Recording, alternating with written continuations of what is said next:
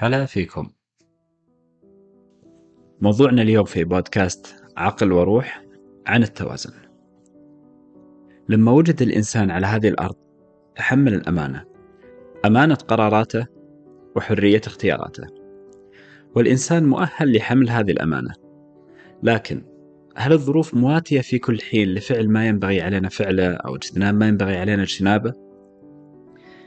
يوجد أحوال وضغوط وخيارات متضاربة قد يقف الإنسان أمامها وهو في حيرة من أمره لا شك أن هذا هو حال الحياة وطبعها مع الأحياء. هي جبلت على التقلب. وما في شيء يكسب الإنسان القدرة على التجاوز إلا التكيف. والتكيف لابد فيه من المعرفة بالحال وتصور المآل والوقوف على القدرات والإمكانات. وشكل جميع الخيارات. هنا يجي دور التوازن حتى يوقف الإنسان على أرضية أكثر صلابة في مواجهة التحديات والتعاطي الرشيد مع جميع الظروف. أول تكليف للناس هو جعل الهموم هم واحد والإرادات إرادة واحدة حتى تنتظم جميع المشكلات لتكون في سلة واحدة. بالإمكان التكيف معها أو التخلص منها أو من بعضها. إذا التوازن مطلب حياتي ملح.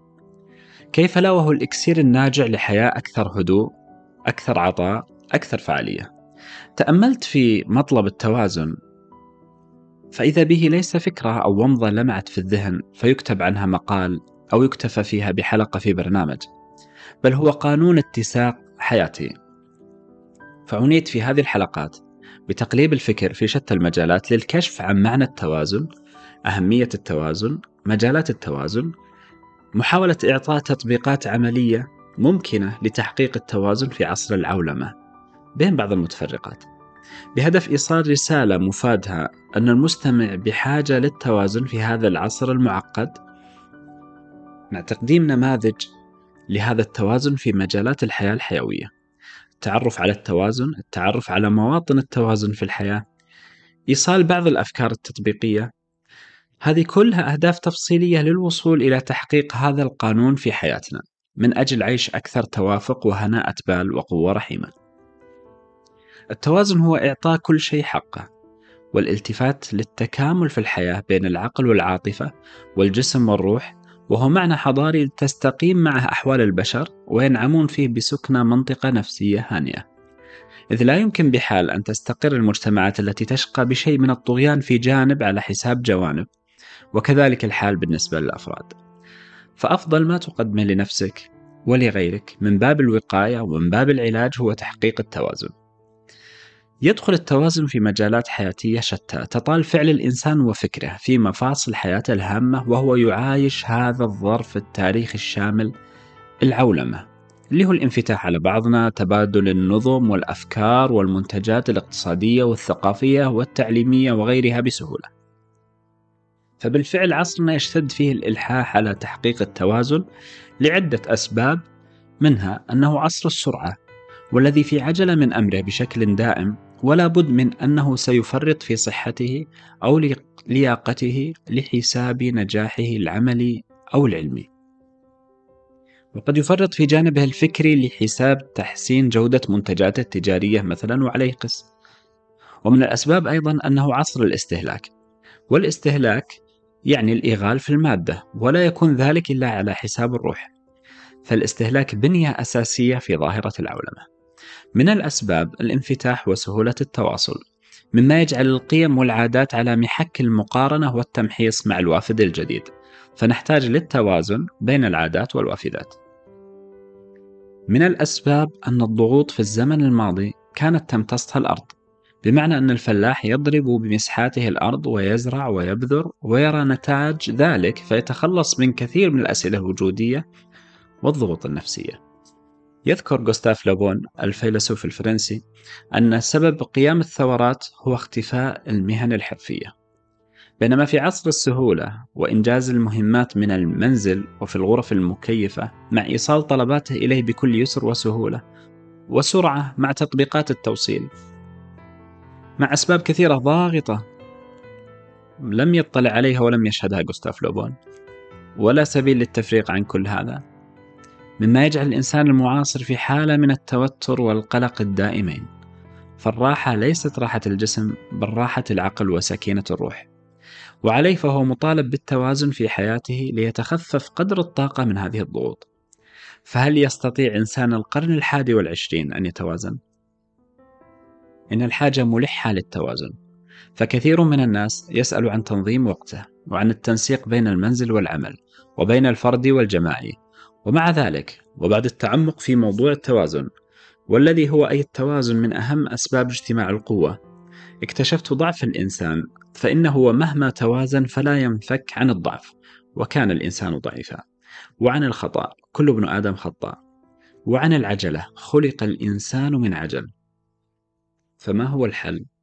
الحل هو المزيد من التوازن بحيث نتوازن في طرح فكرة التوازن. بأن نضع هامشا لاستيعاب ضعف الإنسان خطأ الإنسان عجلة الإنسان. فلا يحكم الإنسان على نفسه بالفشل وهو لم يسع بعد في تحقيق القدر الملائم لحاله من التوازن.